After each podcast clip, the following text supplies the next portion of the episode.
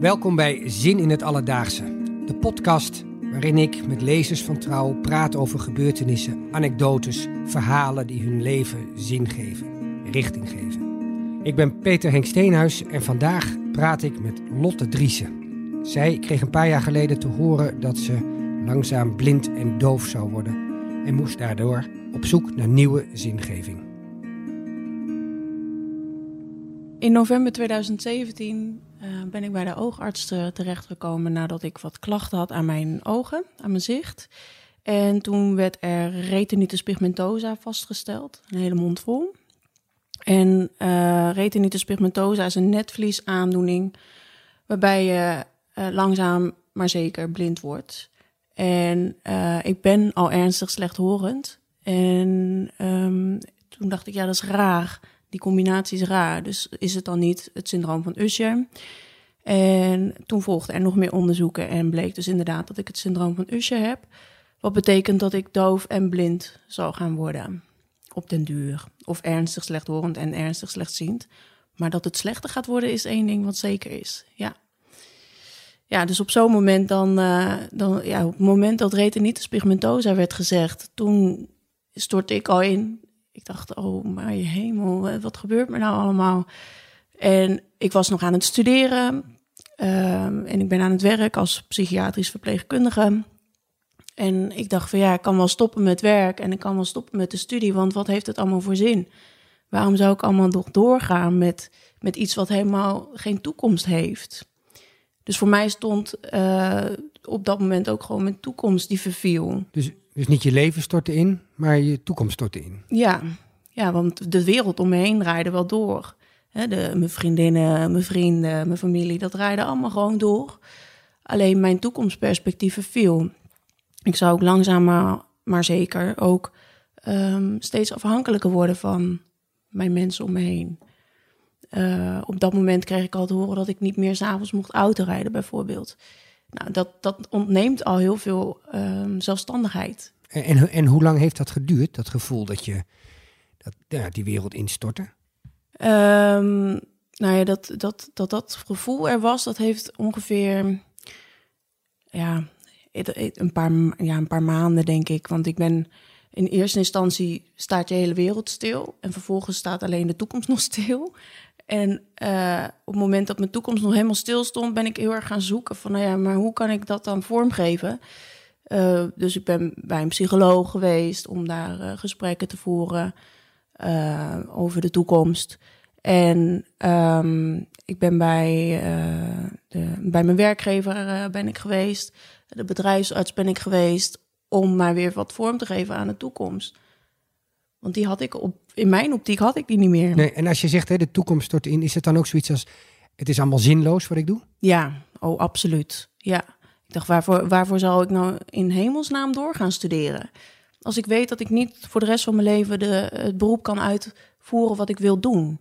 Ik wilde een groot verpleegkundige worden, maar dat zou niet meer lukken, want uh, ja, directe patiëntencontacten zullen, zullen heel moeizaam gaan worden. Dus ja, daar ben je dan heel erg over na aan het denken. Van ja, ga ik dan door of niet? En hoe snel gaat ook het hele proces van uh, blind worden en doof worden? Dus daar ben je dan heel zoekende in. Ja, en dat heeft een paar maanden geduurd, zei je? Ja, ja want in, in november 2017 is het dan vastgesteld. En uh, in, ik geloof februari 2018 ben ik bij de bedrijfsarts geweest. En de bedrijfsarts die, uh, die zei tegen mij van ja, maar Lotte, je hebt dan twee zintuigen die, die wegvallen, maar dan blijven er nog drie over. En ik dacht, ja, wat, wat heb ik daar nou aan, aan die mm -hmm. drie? Want dat, dat is echt super onder, ondergeschikt. Hè? En dan hebben we het over voelen, ruiken. En proeven. Proeven, precies. Ja, maar die zijn heel ondergeschikt in, in de wereld waarin, of in de maatschappij waarin wij leven. Ja. Het gaat vooral over zien en horen. Dus ik denk, ja, wat heb ik daar nou aan? Maar uiteindelijk heb ik daar wel, uh, wel wat mee gedaan. Dus dat ik dacht van ja, het geeft ook een stuk bewustwording van, van vandaag. He, dus dat je vandaag leeft en, uh, en niet. En een stuk bewustwording, je bedoelt dat je, dat je dingen voelt of dat je dingen. Ja, ruikt. precies. Dat ja, is bewustwording ja. ook. Ja, voor mij is dat bewustwording. Ja. En proeven, bewust eten bijvoorbeeld, bewust eh, bewust naar buiten gaan als het regent, want dan ruik je de, dat het eh, regent bijvoorbeeld. Zo. Ja. Ja, Ehm, dus dat geeft voor mij bewustwording en dan sta ik in vandaag in plaats van in de toekomst. ja, Wat voor mij heel onzeker is. ja. En dat, dat ben je toen ook gaan doen nadat hij dat zei? Ja, ja dat ben ik toen gaan doen. Ik, eh, eh, ik weet nog dat ik vervolgens dus naar een park ging en dat, het, dat de zon scheen. Ja, En, eh, het was, maar het was een koude dag, want het was dus februari, zoals ik al zei. Alleen de zon scheen wel en dat voelde ik. En toen dacht ik, ja, dit is ook het leven. ja. En eh, nou ja, dat geeft... Dat geeft- was die ochtend. dat was die ochtend. Ja. En dat gaf mij dan ook zin. Want ik denk, ja, dit, dit, dit is wat er nog is. En wat er ook altijd zal zijn. Dat wordt mij niet ontnomen. Ik ga niet dood aan Usher. Nee, Dus daar hoef ik ook niet naar te leven. nee. En dat was een keerpunt?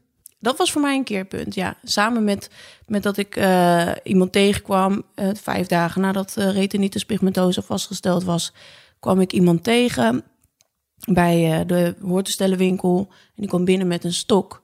En ik dacht, ja, wat gek, wat, wat doe je nou hier met een stok? Dus ik vroeg van, ja, eh, mag ik vragen wat het verband is hè, met stok en in de, aanwezigheid in deze winkel? En toen zei hij van, ja, ik heb het syndroom van Usher. Nou, dat was voor mij een heel helend eh, moment, omdat ik dacht van ja, ik ben dus niet alleen. En vervolgens zei hij ook de, de woorden van joh, het leven met Usher, of het, ehm, hoe zeg je dat? Eh, het leven houdt niet op als je Usher hebt. Nee, Het leven gaat ook gewoon door. ja. Maar als je dat als een willekeurig iemand dat op dat moment gezegd had, had je het waarschijnlijk als een cliché en een dooddoener gevonden. En dan had ik het niet geloofd, want ik dacht ja, wat, wat zeg jij nou? Je weet helemaal niet wat ik doormaak. Ja, Maar hij weet precies wat hij doormaakt en wat ik ook doormaak. En eh, hij, zat er veel, hij zit al veel verder in een proces. Hij is eind 50 en eh, heeft gewoon een fulltime baan, heeft een vrouw, drie kinderen, heeft kleinkinderen. En heeft dus daarin ook gewoon een heel normaal, gezond leven. Ja. Dat geeft mij ook hoop. ja, Ik dacht, oh oké, dus het kan allemaal wel. ja, Ja, ondanks dat zijn zicht heel beperkt is en dat hij altijd met stok moet lopen. ja. ja. Dus dat waren twee momenten dat het weer een beetje zin begon te krijgen. Ja, absoluut. Ja, absoluut. Ja. Ik ben wel benieuwd als je het hebt over dat eten, ehm, dat je Ja. dat bewust bent gaan doen. Mhm. Heb je dat daarna ook uitgebouwd? Eh, in de zin van met producten of iets? Ja, dat je dus echt meer bent gaan koken of... eh, Ja, nou ja, wel, wel bewuster gezond eten. En dat ik denk van ja, het is ook allemaal heel gezond voor mij. En goed voor het proces bijvoorbeeld. Het is allemaal niet wetenschappelijk bewezen, maar hè, vitamine, mineralen en dergelijke. Dat is allemaal wel gezond. En ehm, dus ik ben daarin wel eh, mezelf wat meer gaan uitbreiden ook. mhm. En die zon die je op je huid voelt, Ja. bij, bij dat voelen, dat zintuig ook verder gaan ontwikkelen? Ja, ik weet niet of ik hem verder ben gaan ontwikkelen, maar ik ben, ik ben er wel gewoon echt heel bewust van. Ja, Ik, je zult me ook niet horen klagen over het weer. nee, Nooit. nee. Want ik denk, nee, ja, eh, ja, daar hebben we allemaal ook geen invloed op natuurlijk, op dat hele weer eh, gebeuren.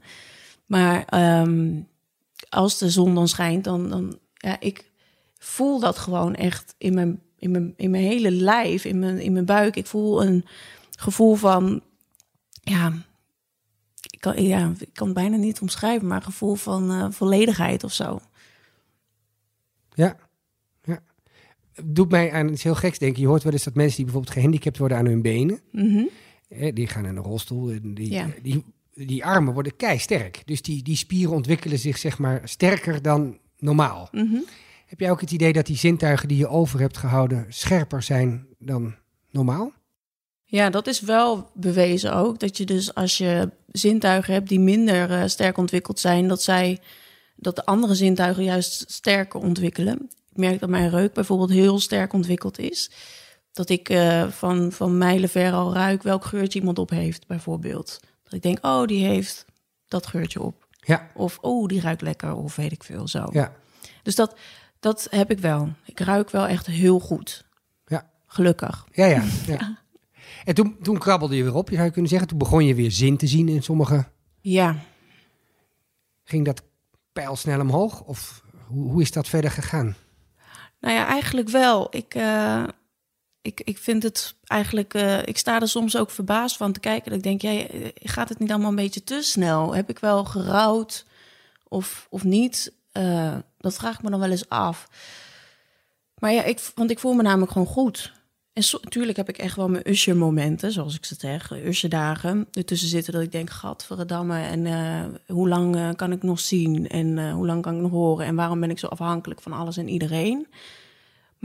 Ja, over het algemeen gaat het gewoon goed. Dus ik heb wel het idee dat het, nadat ik dat dus allemaal had gehoord... Hè, dus met de psycholoog praten, waardoor ik ook leerde te praten met mijn familie en vrienden... Ja. En dat ik dus de bedrijfsarts sprak en dat ik lotgenoten ontmoette... En dat ik daardoor ook echt heel snel al in herstel kwam. En nou scheelt het ook dat ik dus als psychiatrisch verpleegkundige werk. Want wij hebben binnen ons vakgebied het voortdurend over hoe ga je om met tegenslagen. En uh, kijk naar de mogelijkheden die er nog wel zijn. En dat neem ik natuurlijk ook heel erg mee in mijn eigen herstelproces. Ja. Heb je het idee dat je daardoor op een bepaalde manier beter je werk kunt doen? Ja, oh, absoluut. Ja, ik begrijp wel beter, denk ik, eh, dan voordat ik uh, Usher, voordat het vastgesteld was dat ik Usher heb. hoe het is om om te gaan met tegenslagen. En hoe het ook is om om te gaan met tegenslagen die gedurende je leven zullen komen. waarvan je weet dat het ook nog komt. Ja. Net zoals mensen met bijvoorbeeld een depressie. Ja. En dat breng je ook in in jouw werk met de patiënten? Soms. Dat is wel heel afgewogen van ja is het nu geschikt of niet? En dan heb ik het er ook over met mijn collega's van ja, uh, ik merk dit en dit bij deze patiënt. En uh, ja, ik zou, ik zou zingeving bijvoorbeeld, wat ik een heel belangrijk aspect vind in iemands leven, uh, dan willen gebruiken. En dan, daar kan mijn verhaal wel bij passen. Ja. Ik heb ook wel eens dat ik mijn, het artikel uit de trouw bijvoorbeeld dan deel met een patiënt. En dat diegene dan ook zegt van joh, wat wat bijzonder. En daar wil ik ook naar op zoek. Dus zullen we daar samen naar op zoek gaan, naar dat zingevende uh, aspect. En dat, dat vind ik heel waardevol. Ja, tuurlijk. En wat gebeurt er dan? Hoe, hoe ga je dat doen? Dan ga ik, uh, goede vraag trouwens. Dan ga ik uh, uh, met de patiënt langs van, joh, wat, wat, wat, zijn, wat geeft jouw leven een doel bijvoorbeeld? Of waarvoor kom je ochtends je bed uit? Of ehm, waar word jij gelukkig van? Dat soort vragen stel ik. En dan samen gaan we dan op zoek naar wat, wat dan de antwoorden daarop kunnen zijn. of, of waar ontvang jij liefde uit? En heb je ook het idee dat zo'n patiënt tegen jou meer durft te zeggen, omdat hij weet dat jij ook iets doormaakt wat niet iedereen doormaakt? Ja, sommigen wel. En sommigen die, die zeggen van nou, uh, ik vind het allemaal veel te heftig wat jij door moet maken. Dus dan uh, liever niet. Oké, ja. dat kan ook. Dat kan ook. Ja. ja. Dus daarom is het ook heel wel afgewogen van ja, ga ik het wel of niet delen? Dus het moet wel echt, echt heel passend zijn. Ja. En ook helpend zijn voor de behandeling van de patiënt. En niet in mijn belang, maar in het belang Nee, nee, van de patiënt. Ja. Ja. Ja. En hoe ging dat met je familie? Want jij zei net, even tussendoor, tussen neus en lippen door bijna, van door mijn gesprek met de psycholoog Ja. kon ik ook met de familie en mijn vrienden gaan praten. Nou ja, ik merkte dat eh, eh, praten, dat praten mij hielp. En eh, dat ik daardoor ehm, ook beter met Usje om kon gaan. Nou, ik was altijd heel gesloten richting familie en vrienden. Ik dacht, ik zei altijd maar ja, het gaat goed, of weet ik veel zo. En nu dacht ik, nee, ik mag ook eerlijk zijn en zeggen dat het soms gewoon helemaal niet goed gaat. En ehm, door het praten met, met de psycholoog leerde ik ook te communiceren met mijn familie en met mijn vrienden. En eh, ik heb eigenlijk maar een aantal gesprekken gehad met de psycholoog. En dan snel dacht ik, nee, ik, eh, ik heb niet meer voldoende aan de gesprekken met jou, maar ik wil graag gesprekken met mijn familie. Want zij zullen de rest van mijn leven ook met, me, met mij mee optrekken. Ja. En ehm, eh, bijvoorbeeld een vriendin van mij die, die al vanaf mijn veertiende ken, die is ook samen met mij groot geworden. En eh, wij hebben, hè, want toen ik veertien was, raakte ik al nachtblind. En eh, op stap bijvoorbeeld, dan hè, waren we ook wel zoekende van ja, Lotte ziet niks in het donker, maar we moeten wel zorgen dat ze veilig over kan komen, bijvoorbeeld. Dus daar hebben we onuitgesproken ehm, helemaal onze draai in gevonden. En eh, dit, het communiceren daarover, Usje, dat is daar natuurlijk dan ook wel een belangrijk en zingevend aspect ook in. Want daardoor krijg je ook feedback en daardoor krijg je ook reacties terug. Of eh, denk je van, hé, hey, daar kan ik wel wat mee. Of met dat advies kan ik ook wel wat. Of het verdriet gewoon maar laten zijn, want dat mag ook. Ja, ja. Reageerde je familie ook zo? Want dit is een vriendin die je noemt. Ja, familie ook, idem. Ja, die, Want ze eh, waren misschien niet helemaal verrast. Als je nachtblind was en je... Nou ja, het was altijd maar gewoon een gegeven. Ja, Lot is nachtblind. Punt. punt. En zo stond ik er ook altijd in. Ja, Lot is nachtblind. Punt. En eh, ik ben ernstig slechthorend. Ja, maar ja, daar heb ik me ook altijd weer mee, mee weten te redden. En ehm, mijn familie die eh, was natuurlijk wel geschokt omdat het genetisch is, maar bij mij in de familie komt het helemaal niet voor. Dus ze waren wel echt in shock en eh, heel verdrietig voor mij.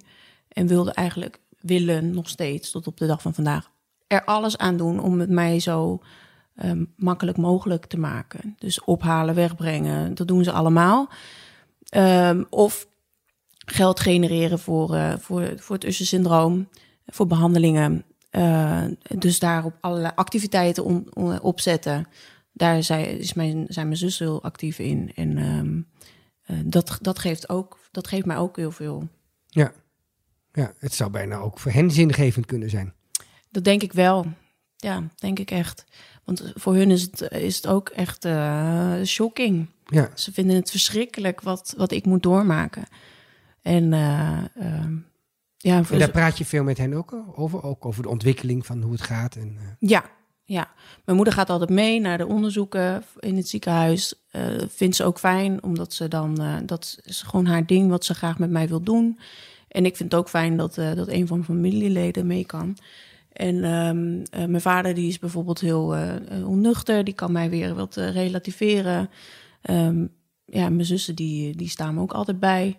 Ja, als ik uh, uh, Usher-dagen heb, dan uh, stuur ik berichten naar hun van... joh, ik zit er helemaal doorheen. En dan hebben we het er gewoon even over. En dat, dat is ja, heel, heel prettig. En zij vinden het ook prettig dat ik daar dus openheid over geef. Ja. ja. En dat het niet altijd maar alleen maar goed hoeft te gaan. Nee, nee. Biedt dat hen ook de mogelijkheid om wat meer tegen jou te vertellen als het hen niet goed gaat? dat denk ik wel. Anderzijds, ja, enerzijds wel. En dan heb ik het ook over vrienden. Ze hebben ook wel zoiets van, ja, alles wat wij uh, hebben, dat, dat is natuurlijk wel minder erg dan wat jij doormaakt. Dus dat probeer ik ook altijd te zeggen van, joh, maar jouw probleem is ook heftig. En uh, is op, natuurlijk, dat is misschien, um, ja, weet ik veel, heeft minder heftige gevolgen. Dat kan. Maar het is ook een probleem. En dat probleem mag er ook zijn en mag ook besproken worden. Sterker nog, het is belangrijk dat het besproken wordt. Je bent op een gegeven moment ook weer gaan sporten, begreep ik. Dat klopt, ja. En hoe gaat dat? Want dat is ja. niet makkelijk, denk ik. Nee, zeker in de wintermaanden niet. Want ik sport niet in een sportschool of wat dan ook. Maar uh, in de zomermaanden gaat het op zich nog wel prima. Ik, uh, ik loop graag hard. En in de zomermaanden overdag zie ik dus nog wel voldoende. Dus dan uh, kan ik gewoon ook in mijn eentje hardlopen. Maar in het donker moet ik lopen met een stok. Dus dan kan ik echt niet in mijn eentje hardlopen. Dus daar, daarin hebben we ook gezocht naar mogelijkheden. En um, toen kwam ook nog eens een, uh, een run eraan waar we, waar we ons voor hebben opgegeven om ook weer geld in te zamelen. En um, uh, toen hadden we dus gezocht van ja, hey, hoe, hoe doen we dat? Hè? Hoe loop je nou als je blind bent? Nou, dat is dus met een buddy. Dus dan heeft uh, een vriendin van mij die heel goed kan hardlopen, goede conditie heeft, die dus sneller kan en kan praten tijdens het hardlopen. Die houdt een band vast en, en andere uiteinde hou ik vast. En dan lopen we samen en dan stuurt zij mij, begeleidt mij, trekt aan de band omhoog als er een opstapje komt of een tak op de weg ligt. Of trekt uh, de band omlaag als er een afstapje is. En uh, dat gaat eigenlijk uitstekend. Dus sinds die, sinds dat we dat hebben ontdekt, uh, doen we dat ook. En jullie hebben letterlijk een andere band gekregen. Ja, we hebben inderdaad een, uh, een hele andere band ook gekregen.